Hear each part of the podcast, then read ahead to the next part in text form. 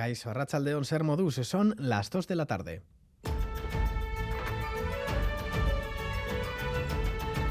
Crónica de Euskadi con Lier Puente.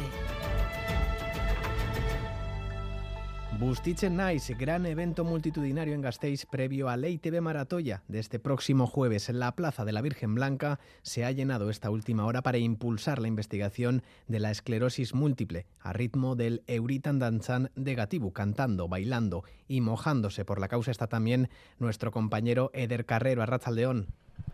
A Rachaldeón Baila, cientos de personas que se han acercado a esta plaza de la Virgen Blanca han conformado una bonita imagen, una postal para el recuerdo con paraguas al viento colorida. Esta plaza bajo los aspersores y las mangueras que han lanzado agua a los y las aquí presentes. Especial decimos porque se ha celebrado en favor de la investigación de la esclerosis múltiple este año, ya lo saben. Iracha Surmendi, coordinadora de la Asociación de Esclerosis Múltiple AEMAR, se ha mostrado satisfecha. Se, está haciendo mucho, muchísimo en investigación. Yo creo que es una de las enfermedades que más se está investigando y entonces, pues bueno, es muy importante apoyar. Esta casa ITV ha hecho partícipe a toda la ciudadanía y esta no podría haber respondido de mejor manera, ya lo decimos, pese al frío y la lluvia, aquí han estado saltando, bailando, cantando Euritan Danzan. Bai, bai, bai, gogoekin. Bueno, gaurko ba, hemen geratu hau dirauen bitartean eta gero etxea zeiten duen eguraldiakin, baina, bueno. Ba, ongi pasatzea, printzipioz, eh? Gustiko gara, aitzea ustuta aterkiaren aspen egon nahi duela. Muchas familias aquí presentes, mucha gente empapada por la causa, solidaridad en favor de la investigación de la enfermedad en la que se centra EITV Maratoya este año. Aquí se ha grabado el videoclip que estará disponible las próximas horas. Bustice Nice bustigará en este acto en Gasteiz previo al día 15, el día grande en el que se llevará a cabo la recaudación de dinero este año en este EITV Maratoya.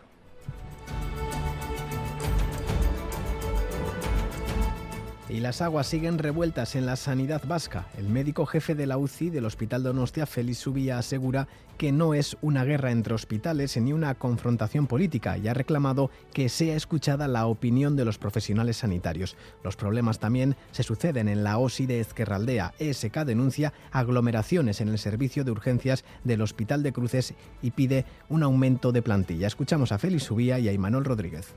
Iruditzen zaigu lehen mailako arreta dela sistemaren oinarria eta lehen mailako arreta hobetu behar dela batez ere gainontzeko ospitaletan ere euren eskakizunei ere e, ahotza emango diegu eta iruditzen zaigu oso guzti zilegi direla eta horiek ere kontuan hartu behar direla. Falta personal en todas las categorías y esta situación de pacientes en los pasillos en lo que llevamos de mes, a día eh, 11 que estamos hoy, pues ya pasó por lo menos cuatro veces. El endacari Íñigo Urcullu asegura que hay voluntad de iniciar conversaciones con los médicos. Y este domingo comienza la negociación del reparto de la pesca en la Unión Europea para 2023, cuyo resultado se conocerá entre el lunes y el martes. La Comisión Europea plantea prohibir la pesca del jurel y aumentar la captura de la merluza. Eusebio Aranzamendi, presidente de Barcos de Bajura de Ondarroa. Llevamos unos años que el chicharro está bastante penoso. Sin cerrar eh, la cuota del chicharro, eh, con lo poco, pues a ver si se puede recuperar eh, el chicharro. Estamos en plena operación retorno del puente por tierra, mar y aire. Solo en el aeropuerto de Loyus se esperan 125 operaciones en el día de hoy y la dirección de tráfico espera mayor afluencia de vehículos en el nudo de Armiñón, en la conexión entre la antigua AP1 y la A1, así como en la Muga con Iparralde, en la A8 y en la zona limítrofe con Cantabria también en la A8. Nerea Inchaustia, Raza León. Arrachaleón comienza la operación retorno. Las vacaciones del puente de diciembre están llegando a su fin para los y las turistas que nos han visitado en Euskadi. Hemos hablado con algunos de ellos y no parecen muy tristes ya que ven cerca las vacaciones de Navidad. Les escuchamos. De Puente Genil, un pueblo de Córdoba. Hemos estado cuatro días, un par de ellos en Bilbao y dos días aquí en San Sebastián. Sí, la primera vez que viajamos aquí al País Vasco, la verdad que la experiencia ha sido muy grata. De Gran Canaria. De Gran Canaria. Bueno, desde el día 8 hasta el 11. Nos ha encantado. Donostia nos encanta. Todos los pinchos, a Chacolí, es todo el Chacolí que había. No, ni tanto frío ha hecho, esperábamos más. Venimos de Madrid y nada, hemos hecho como un recorrido. Empezamos por Vitoria, hemos ido por Guernica, ¿qué más? Zaraut. A mí me ha encantado. Eh, llevamos tarta de queso. sí, de la viña. por lo menos que un poquito de ahí de dulzor para empezar bien el lunes. Esto nada, dos semanillas y otra vez cachondeo. en las carreteras sin problemas para circular a estas horas. Hoy cierra la soca de Durango y es tiempo de hacer balance. Por la tarde conoceremos los datos oficiales, pero ya tenemos las primeras impresiones. Mailo Edrezola.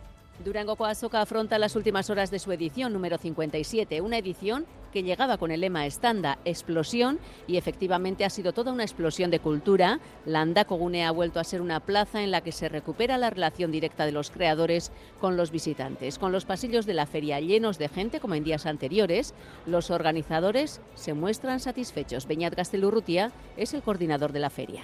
Estamos muy contentos, la feria ha transcurrido con normalidad, con mucha afluencia de, de cultursales. Estamos muy contentos tanto por parte de la organización como todos los agentes que han estado aquí exponiendo. La SOCA ya son muchos años que dejó de ser una tienda grande. Ahora mismo la SOCA es un lugar donde se pueden descubrir nuevos creadores y creadoras, nuevos trabajos. Es un lugar de explorar, de venir más de un día incluso. Gastelurrutia nos habla de una impresión generalizada, ya que el balance oficial de esta edición llegará a media tarde con los primeros datos en torno a las visitas y también a la tienda online.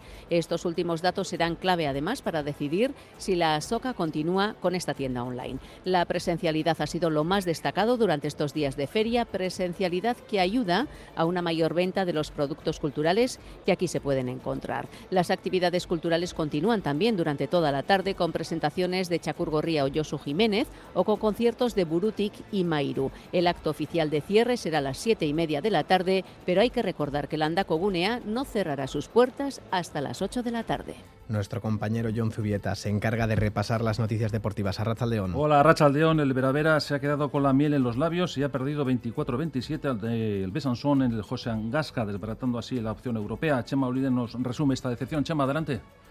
Efectivamente, que imposibilita que las donostiarras accedan a la fase de grupos de la European League, que era evidentemente el gran objetivo en esta temporada para el conjunto donostiarra. No ha podido ser un partido marcado por la igualdad de principio a fin, donde hechos puntuales como fundamentalmente la actuación de la guardameta japonesa del conjunto francés, eh, Auge, ha, resultado determinante en los momentos clave y al final esa victoria, ese triunfo para el conjunto galo, 24-27, insisto, elimina a las donostiarras en su eh, caminar por Europa. Es que ricasco, hablamos de fútbol, el Alavés Gloriosa se ha dado un paso al frente en Ibaya al ganar al Sevilla un duelo que puede servir a las locales para dar un paso más al frente. Raúl, eh, Pando de Guardión.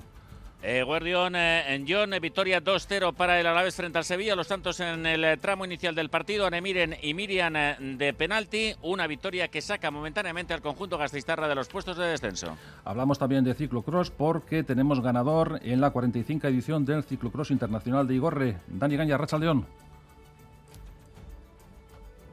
parece que no tenemos eh, esa comunicación. En cualquier caso, les comunicamos que la victoria ha correspondido al belga Anton Ferdinand.